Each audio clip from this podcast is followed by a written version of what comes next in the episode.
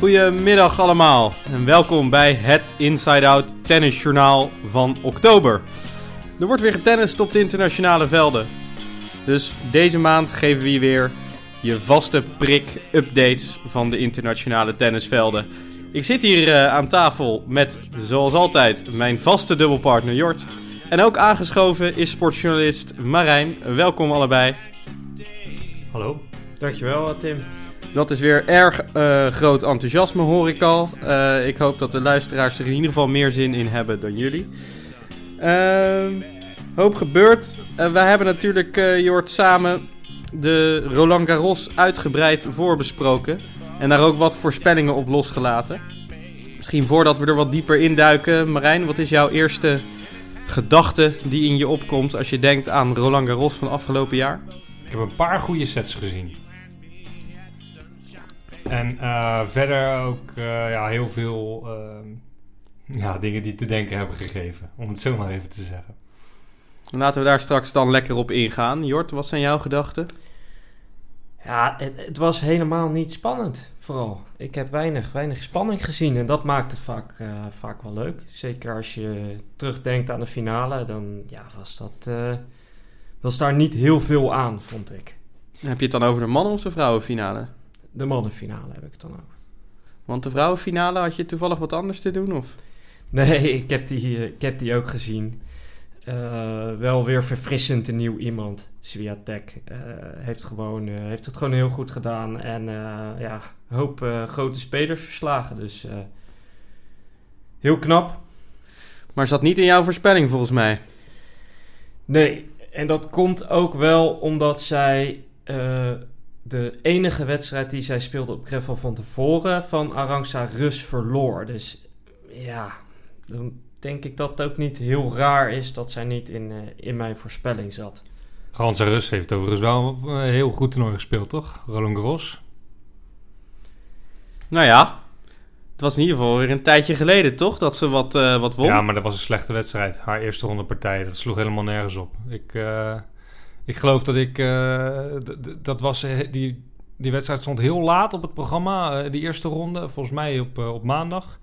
En ik dacht nog van. Oké, ik kijk deze even af. En dan ga ik slapen. Want ze heeft hem binnen drie games te pakken. en die verloor ze nog. En de, het, het was echt vijf kwartier later dat ik uiteindelijk naar bed ging. Ik heb hem nog wel afgezien. Maar ik heb ook afgezien tijdens, tijdens het afkijken van die wedstrijd. Ja, dat kan ik me voorstellen. Hey, misschien is het goed uh, om eventjes te kijken naar wat onze voorspellingen waren, Jort. Um, wij hebben volgens mij favorieten gegeven voor zowel mannen en vrouwen. Um, dark horses en uh, teleurstellingen. Misschien met onze teleurstelling uh, van de mannen te beginnen. Dat was Rafael Nadal. Ja, dat was Rafael Nadal. Nou, dat was absoluut geen eh, teleurstelling. Het, is, eh, ja, het is echt uh, bijzonder knap wat hij heeft gedaan. Zonder eigenlijk een, gedegen voorbereiding die hij normaal altijd wel heeft. Ja, heeft hij dat toernooi gewoon gedomineerd als ooit tevoren. En ik, ja, ik wil zelf wel zeggen dat dit de beste Nadal ooit was. Zoals ik hem nu heb zien spelen. Of waren ze tegenstanders gewoon minder?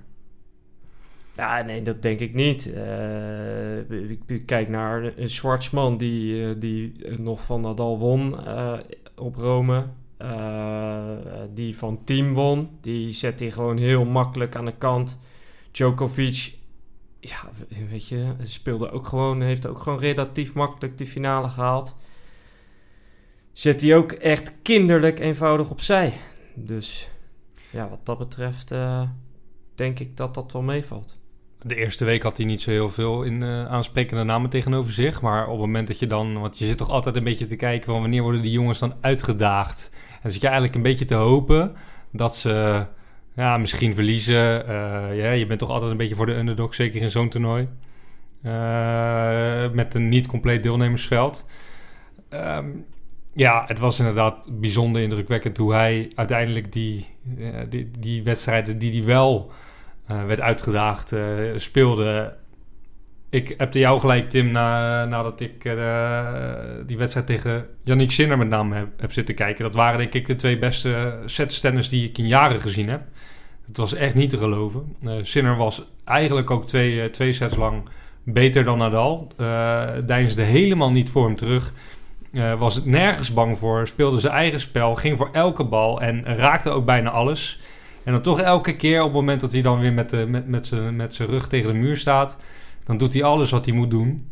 En, en, en, sleept hij ze er allebei uit. Uh, in, allebei die eerste, in al, allebei die eerste twee sets stond Sinner een break voor. Waarvan wij die eerste op 6-5. Kon hij het uitserveren. Toen had Nadal nog geen breakpoint gekregen op, op de service van Sinner. Ja. Uh, en toch die set winnen. Uh, ik, ik heb Nadal toen ook inderdaad zo ongelooflijk goed zien spelen. En um, wat ook nog meespeelt is dat hij eigenlijk van het begin af aan een beetje heeft zitten klagen over de omstandigheden. Over de kou, over de langzame, of zeg maar, de niet hoog opstuiterende ballen. Over um, de tijdstip waarop hij moest, moest spelen. En dat was allemaal niet in zijn voordeel zogenaamd. En als je het analyseert, dan is dat ook zo. Uh, want hij kon natuurlijk veel minder druk en veel minder spin uh, in, in, al zijn, in al zijn zware ballen leggen. Ja, des te knapper dat hij, uh, dat hij er zo met kop en schouders bovenuit heeft gestoken. Vinden jullie het nog, als denk ik toch wel notoire Federer-fans, dan nog een probleem dat Nadal met zijn overwinning dan ook op het, het record aantal slams komt? Is gekomen, moet ik zeggen. Ik moet wel zeggen dat ik het wel jammer vind. Dat, dat zeker. Uh, ja, probleem. Ja, weet je, hij heeft gewoon op, op is hij zo ontzettend goed als je er uh, 13 wint. En ik denk dat hij daar ook gewoon 15 gaat winnen. Ik denk dat uh, als we in mei gaan spelen, dat hij, dat hij dat gaat winnen. En dan hoeft hij er nog maar eentje. En ja, ik zie dat wel gebeuren eigenlijk. Ik moet zeggen dat ik altijd vooral een beetje bang ben geweest voor het feit dat dit zou gaan gebeuren. Dat Nadal op gelijke hoogte zou komen met Federer. En nu het eenmaal zo is, zie ik er eigenlijk ook wel de schoonheid van in. Uh, dat ze op gelijke hoogte staan. Het is, het, ja, ik zou het wel erg vinden als Nadal uiteindelijk meer uh, slams heeft gewonnen dan Federer. Maar ik ben er wel redelijk van overtuigd dat Federer er nog eentje bij pakt. Um, dus uh, ik denk dat Federer in februari weer, weer voor staat op Nadal. Um, en dan dan, dan moet, je, moet je het opnieuw levelen. Dat gaan, we, dat gaan we dan zeker bekijken. Vinden jullie het dan nog... Vinden jullie het mooi hoe Federer reageert richting Nadal? Ja, uiteraard. Geloven jullie dat? Ja, vo volledig eigenlijk. Ik denk dat zij ook genieten van die tweestrijd. En ik denk dat zij er ook van genieten dat die in zekere zin onbeslist blijft. En in titels is hij dan nu onbeslist. Ik denk dat het grote publiek nog steeds Federer de allerbeste aller tijden vindt.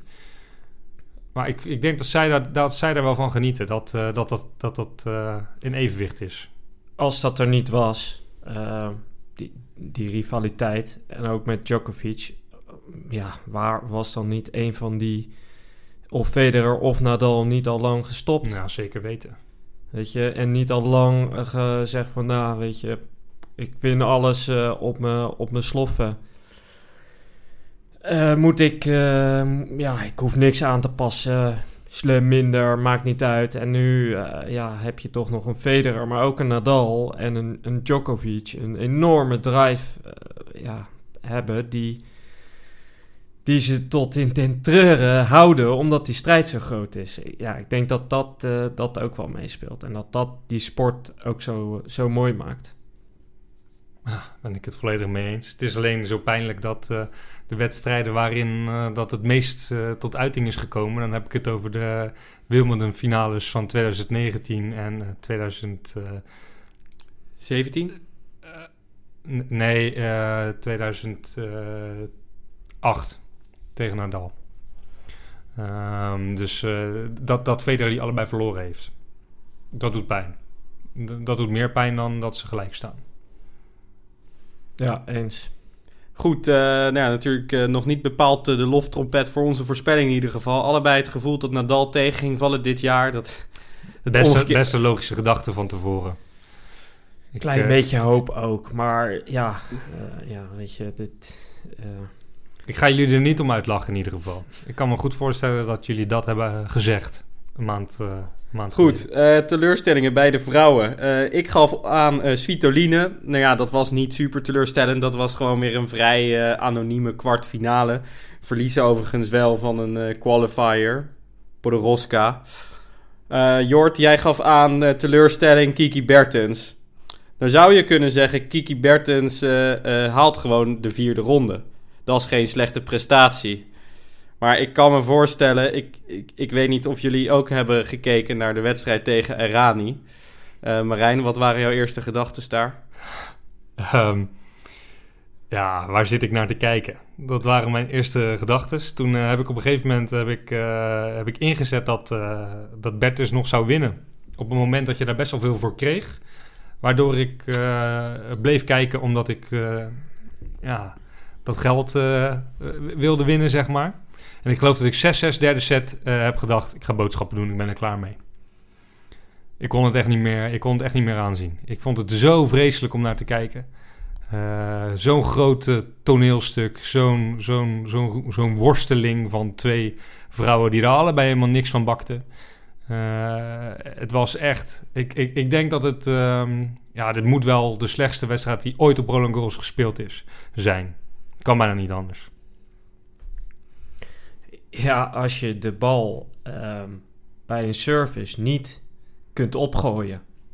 Of niet goed. Waardoor je dus, uh, hoeveel dubbele fouten zijn het geweest. Maar ook dubbele fouten gewoon tegen de baseline aan. En op een gegeven moment maar uh, onderhands moet gaan serveren. Ja, dat, dat, is, dat is niet uh, Roland Garros waardig. Dat, is, dat, dat, dat zie je niet eens als je op zaterdagmiddag competitie gaat kijken, dan zie je dat niet eens in de 7 of in de 8. Dus ik, ik vind het voor een prof die, wat was het, de tweede ronde, die tweede ronde Roland Garros staat, die echt wel een... Die Roland Garros gewonnen heeft. Roland Garros zelfs gewonnen heeft. Ja, is dat echt uh, heel erg triest voor de, voor de tennissport en dan met name de, de vrouwen tennissport. Is de vrouwen tennissport hier gewoon te kijk gezet? Ja, absoluut. Absoluut. Weet je, dit, dit slaat nergens op. En uh, een, een Kiki in vorm had hier uh, met 6-0, 6-0 van moeten winnen. Of uh, 6-1, 6-1. Maar ja, wat, wat ze daar heeft staan doen. En nee, ze had, ze had kramp.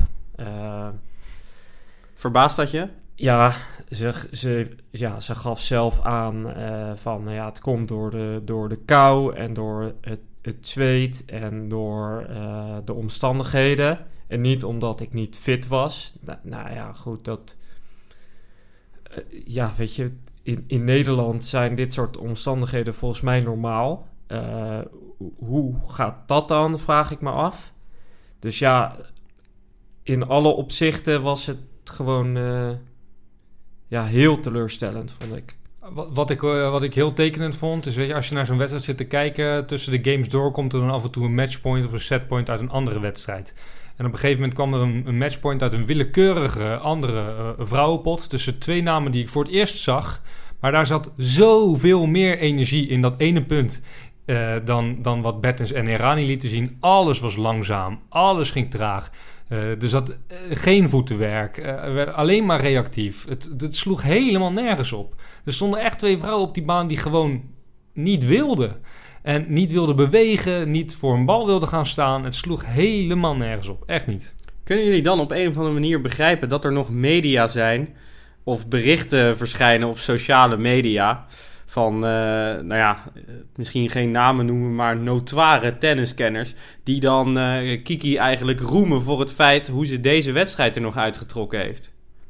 Nou ja, het staat haaks op, op hoe ik het moet benaderen als sportjournalist. Ik zit dan voornamelijk in het voetbal en in het wielrennen. Maar ja, gevoelsmatig wordt er voor mij eerder verwacht dat ik kritisch, misschien tegen het te kritische aan, sportprestaties benader dan dat ik zo op het schild hijs. Um, dus nee, ik kan me daar niks bij voorstellen, want ja, je kunt niet anders dan heel hard en, en, en, en duidelijk zijn over wat je hier hebt gezien. Ik denk ook dat dat je taak is als, uh, als journalist. Nou ja, laten we hopen dat Kiki nu met haar operatie aan de, als het goed is, dacht ik, Achillespees. Ja. eh, er weer bovenop komt en weer eh, fit ten tonele komt. Want ja, wat we nu hebben gezien, eh was niet om over naar huis te schrijven. Ja, ze zal op de een of andere manier toch meer overtuiging in de doen en laten moeten krijgen. Want daar zit het hem toch ook gewoon in.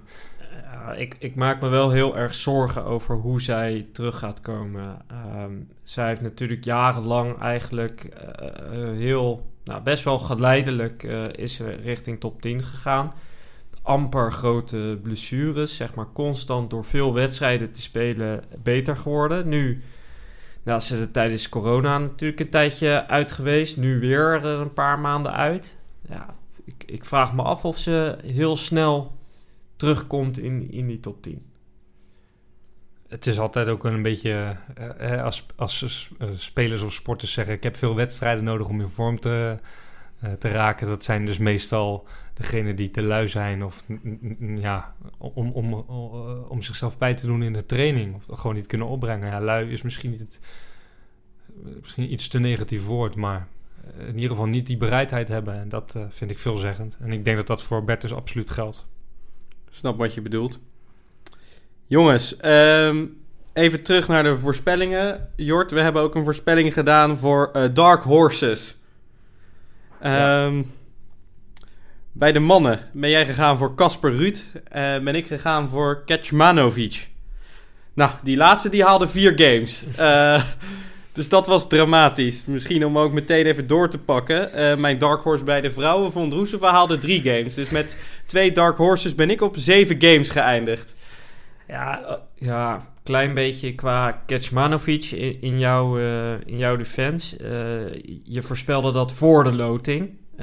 Na de loting bleek dat hij het eerste ronde tegen Zwartsman speelde, die redelijk in vorm was. Dus ja, dat kan gebeuren.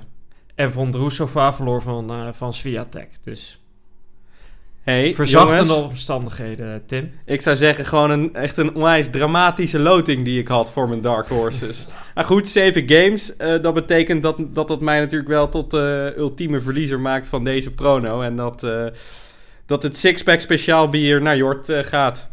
Ja, daar Hij heeft zo uitgedeeld, dus dat komt goed uit. Dat scheelt. Lekker aan een klein afvliegend blondje. Op deze regenachtige middag. Even door. eh, winnaars. Jort, jij ging voor de combinatie Halep-Djokovic. Eh, je was niet de enige. Ellen eh, en Danny, Yuri, die hebben dat ook allemaal voorspeld via onze app. Dat is niet helemaal uitgekomen. Ook, ook Halep eh, moest voor de bel. Ja. Sviatek. Ook 1 en 2. Ah, wat, even over Sviatek. Eh, dat, we hadden het de vorige keer over het oude damestennis. Eh die Sviatek, die vond ik heel... eh, die vond ik echt graveltennis spelen. Weet je, zware ballen, af en toe wat trager, dan weer, maar wel uit kunnen halen. Ook wat ik heel weinig zie is bij de vrouwen is al- als een vrouw een backhand slaat met open stand naartoe glijden. Dat zijn allemaal dingen die Sviatek heel goed beheerste. Dus ja, weet je, ik, ik heb haar daarvoor amper zien spelen. Ook niet tegen Russen bijvoorbeeld. Dus ik weet niet hoe dat, eh, hoe dat is gegaan. Maar tijdens eh, die finale en ook andere wedstrijden... Ja, deed zij dat gewoon eh, heel erg goed. Vond ik. Zou Aranska Rus nou niet denken, jeetje, weet je, ik rolde gewoon Sviatek op. Dan had ik dus ook gewoon Roland Garros kunnen winnen. Ja, maar het is, is natuurlijk bij uitstek de speelster waar je op een slechte dag, zeker als je, als je zelf een 19-jarig meisje bent, waar je op een slechte dag gewoon van kan verliezen. Omdat die, ja, die bijt zich er wel in vast. Die heeft zeg maar alles wat Bertus niet heeft en dan de zon. Namelijk geen talent, maar wel ongelooflijk veel atletisch vermogen. Dus ik kan me voorstellen dat dat voor zo'n Sviatek eh ergens op een challenger of wat was het voor toernooi, dat je ook geen leuke dag hebt als je dan tegen een Eh, dat kleine was, dag eh, Arantxa Rus staat. wa- was eh, ATP Rome. was Oké, dat. oké. Ja. Misschien weten, ja. Ja, Goed.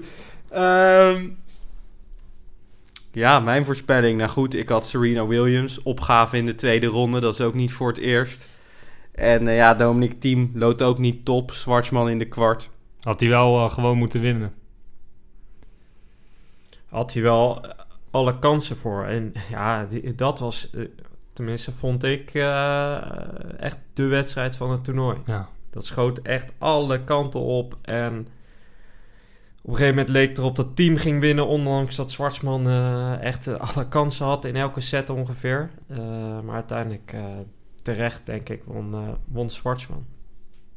Die vervolgens eh, zich genoeg druk gemaakt had eh, in al die rondjes. Waardoor die toch weer eh, ja, vrij gemakkelijk. Eh, het was gewoon een hele mooie werd. tennisavond. Want daarna kwam die pot te- tussen Sinner en, eh, en Nadal. Er zat nog één vrouwenpot tussen. Dus het werd nachtwerk.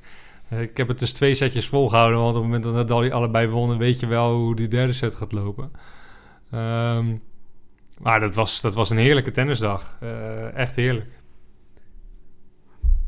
Als we nu achteraf terugkijken, Jort, wat voor cijfer geef je Roland Garros dan? In, dit op, in deze opzet, in deze tijd van het jaar. Een 6. Dus wel voldoende. En waar, is dat dan, waar komt dat dan met name door? Mm, ja, met name eigenlijk door de schoonheid van, eh, van Nadal. Ik denk, als je, ook als je wel eens beelden ziet van toen hij zijn eerste paar won, was hij eigenlijk vooral, eh, vooral echt aan het hengelen.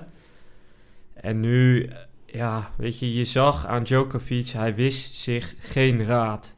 Als, hij wist als hij de ballen gewoon terugspeelde, wat hij ook veel eh, deed in de vorige rondes, dat Nadal hem eh, wegblies.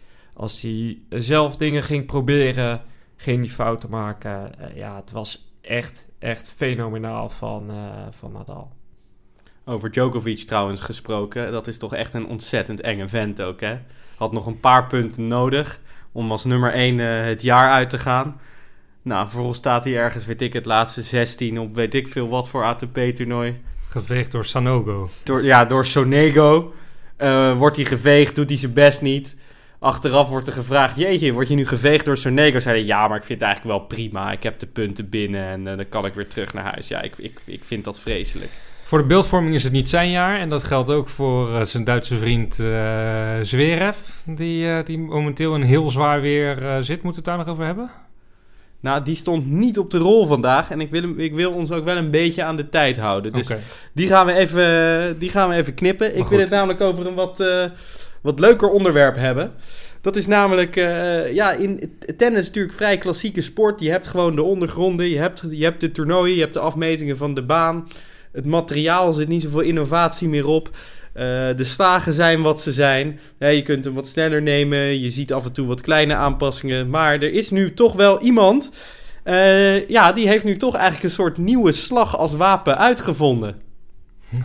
Ik denk dat ik weet waar je het over hebt. Ja, eh, ik weet waar je het over hebt. Je hebt het over eh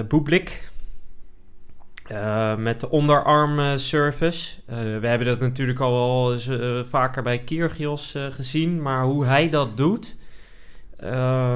is, ja, is echt heel, heel bijzonder. Helemaal ge- gemaskeerd en echt met een hele korte pols onderarmbeweging.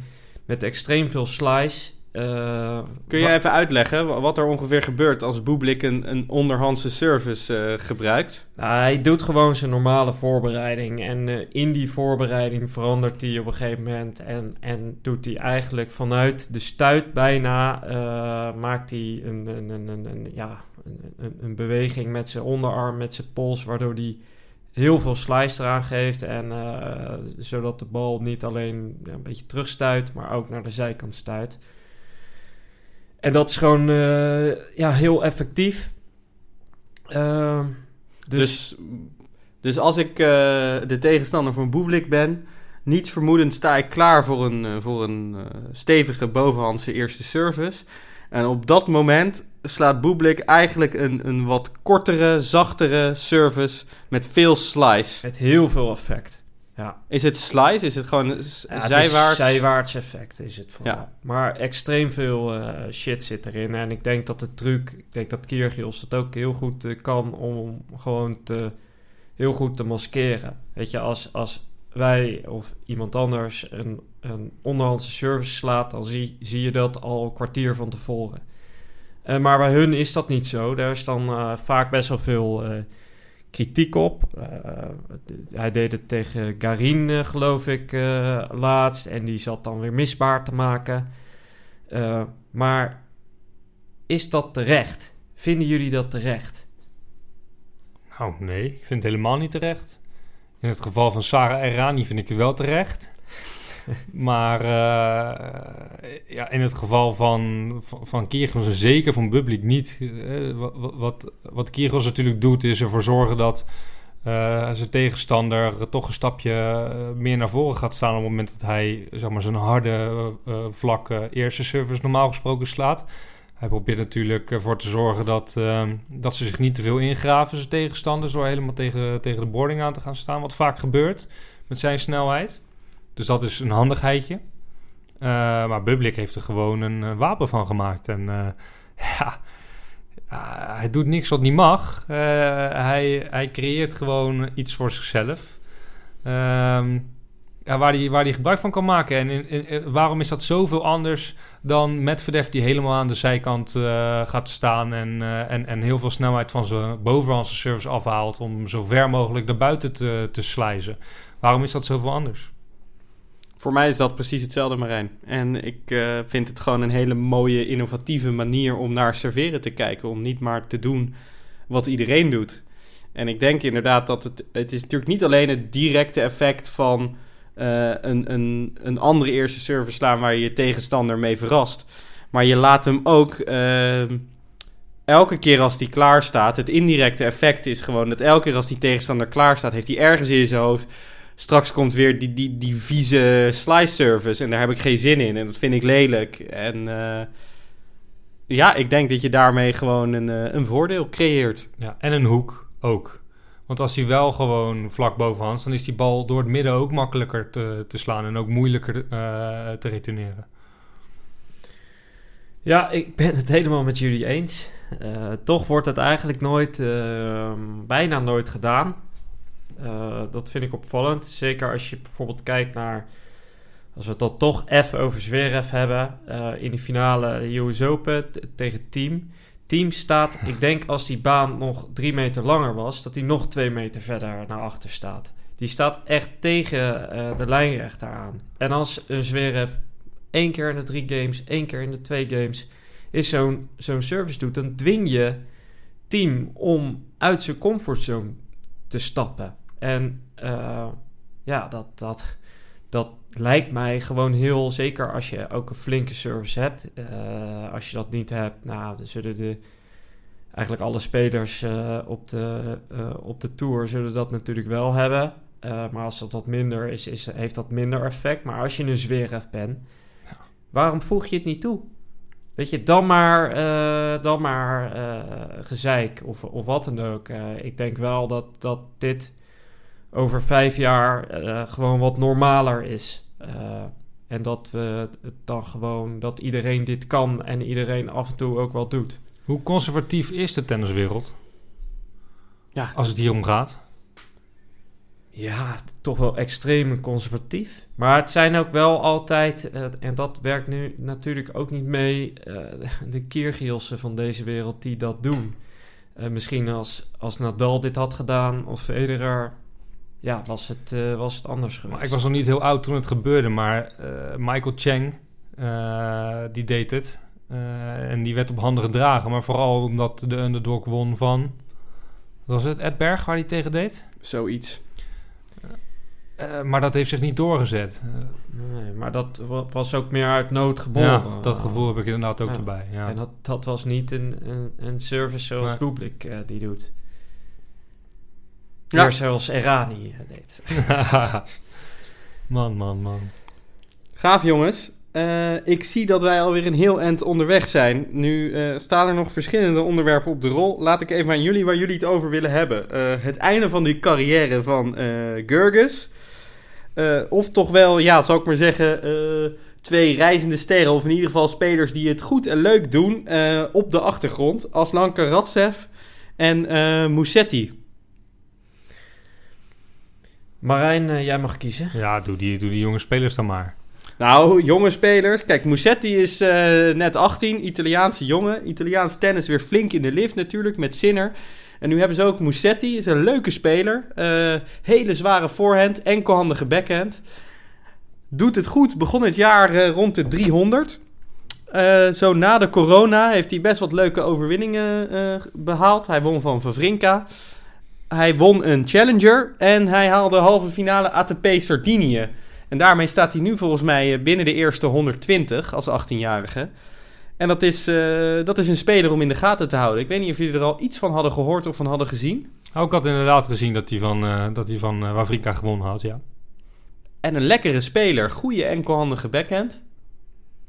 Mooi, dat is mooi hè, die, dat die enkelhandige backhand er gewoon nog is. Ja, dat is fijn. Ja, Dat, is, ja. dat is gewoon, eh, dat blijft het heerlijkst om naar te kijken. Eh, en, eh, en hij beheerst hem goed. Ja, nou kan natuurlijk, Stan kan er ook wat van. precies. Maar dat was een leuk duel en een leuke winnaar. Dus ik denk zeker ook voor de luisteraars. Musetti is er eentje om eens terug te kijken of om in de gaten te houden. Met het oog op de toto's en de poeltjes van volgend jaar. En die Rus? Als Lanka Radsev. Ja, interessant verhaal. Ehm, ik zag hem in wat Challenger-uitslagen voorbij komen. Dus eh, wat onderzoek naar gedaan. 27 is hij. Eigenlijk altijd zo tussen de, tussen de 2 en 400 gebivakkeerd op de wereldranglijst. En eh, ja, hij eh, haalt finale Challenger en daarna wint hij er twee achter elkaar. Ja, dat is wel gewoon van een matige challenger-speler naar ja, ook top 120. Eh, bijzonder. Eh, won eh, ook een potje in, eh, in Rusland van eh Tennis Sandgren. En een verloor net aan van eh Kachanov. Dus dat ja, zijn geen verkeerde resultaten.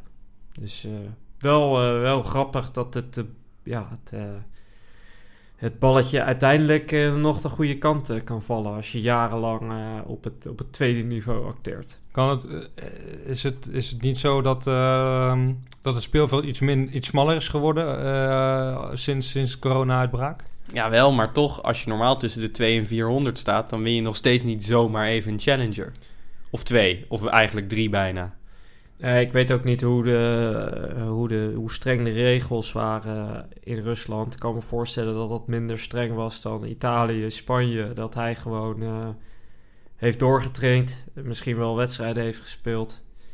Dus dat, dat kan ook een factor zijn. Het is wel een leeftijd ook waarin je eh, ja, ergens een snaar bij jezelf kan raken en zeggen van ik doe er een schep bovenop of ik, ik wissel van trainer of van methode en ik doe eventjes iets extra's. Het is wel, wel ook een fase in een carrière waarin een bepaalde volwassenheid vaak komt. Dat je, dat je, dat je denkt van nou de komende jaren dan moet ik eventjes eh, nog wat extra's doen. Dus nou, het zou knap zijn als, eh, als dat het verhaal is achter, achter deze prestaties. Hey, en eh, die Gaston, hoe heb je daarnaar gekeken Tim? Die heb ik nauwelijks zien spelen. Misschien wel niet. Die won ook voor Wawrinka, alleen dan op Roland Garros. En, en verloor vervolgens in vijf sets van, eh, van 10 Tim, ja. in de vierde ronde. Eh 20-jarige Fransman. Dat was toch ook wel interessant. En hoe heet die, die Amerikaan die, eh, die, die, die, die van Nadal eh, verloor? Eh, hadden we het net nog over. K- Koda? Korda. Korda? Sebastian Ja, Korda. Ja, ja. Eh, de zoon van Oké, Petter Korda. Oké. Ja, Ook ook, mo- ook, ook één om in de gaten te houden. Ja, ook was Eh, 20. Veel, eh, die heeft ook bij de junioren veel gewonnen. Volgens mij alles gewonnen wat er eh, een beetje te winnen viel. Dat hoeft niks te zeggen. Kijk maar naar Timo, Timo. de Bakker. Precies. Jongens, laatste onderwerpje van de dag. eh, want ik wil zo gaan afronden met jullie. Nog wel even één pronootje erin gooien. ATP Finals gaan in principe wel gespeeld worden. Eh, wie hebben we daar op de lijst staan? Ja, niemand die je niet zou verwachten natuurlijk. Eh Tsitsipas, Team, Nadal, Djokovic, Medvedev, Rublev, eh Monfils, Schwartzman. Dat zijn een beetje de jongens die daar gaan strijden. Eh, even een rondje prognoses als het eh, ja, toernooi van, van de maand, de ATP Finals. Jort, wie denk jij? Ik ga voor Team. Ehm, ik ga voor Rublev. Ik ga ook voor team. Oké. Eh, en natuurlijk eh, vragen wij ook onze luisteraars weer eh, deel te nemen. Dus stuur naar het welbekende WhatsApp of e-mailnummer eventjes jouw voorspelling wie de ATP Finals volgens jou gaat winnen. Misschien ben je uniek, misschien ben je het niet. Maar uit de goede inzendingen gaan we sowieso weer een, een winnaar trekken die wat zendtijd in de uitzending krijgt. Dus daar is het allemaal om te doen. Dat er dan niemand Nadal eh, voorspelt. Nee, Kijk, Swiatek is niet Nou, zo gek, we moeten natuurlijk streng zijn, maar de combinatie Nadal-Swiatek hebben we niet gezien. Kijk, ja, er waren natuurlijk eh, voldoende eh, 10, 20 eh, man die inderdaad wel Nadal hebben gezegd. Maar de combinatie Nadal-Swiatek hebben we niet gezien. Ja, en dan moeten we gewoon streng zijn. Ja, dan ga je niet zomaar zendtijd weggeven. Zeker niet als ik er zit. Ik wou net zeggen. Jongens, bedankt weer eh, voor je komst. Eh, met name Marijn. Eh, Jort, jij zat hier al naast me. Ehm, Dankjewel jongens. Wij ronden af. We zijn snel bij jullie terug met nieuwe inzichten, eh, nieuwe speltips, nieuwe journaals. Dus bedankt voor het luisteren weer en tot de volgende keer bij Inside Out, de Nederlandse tennispodcast. Eh, hoi!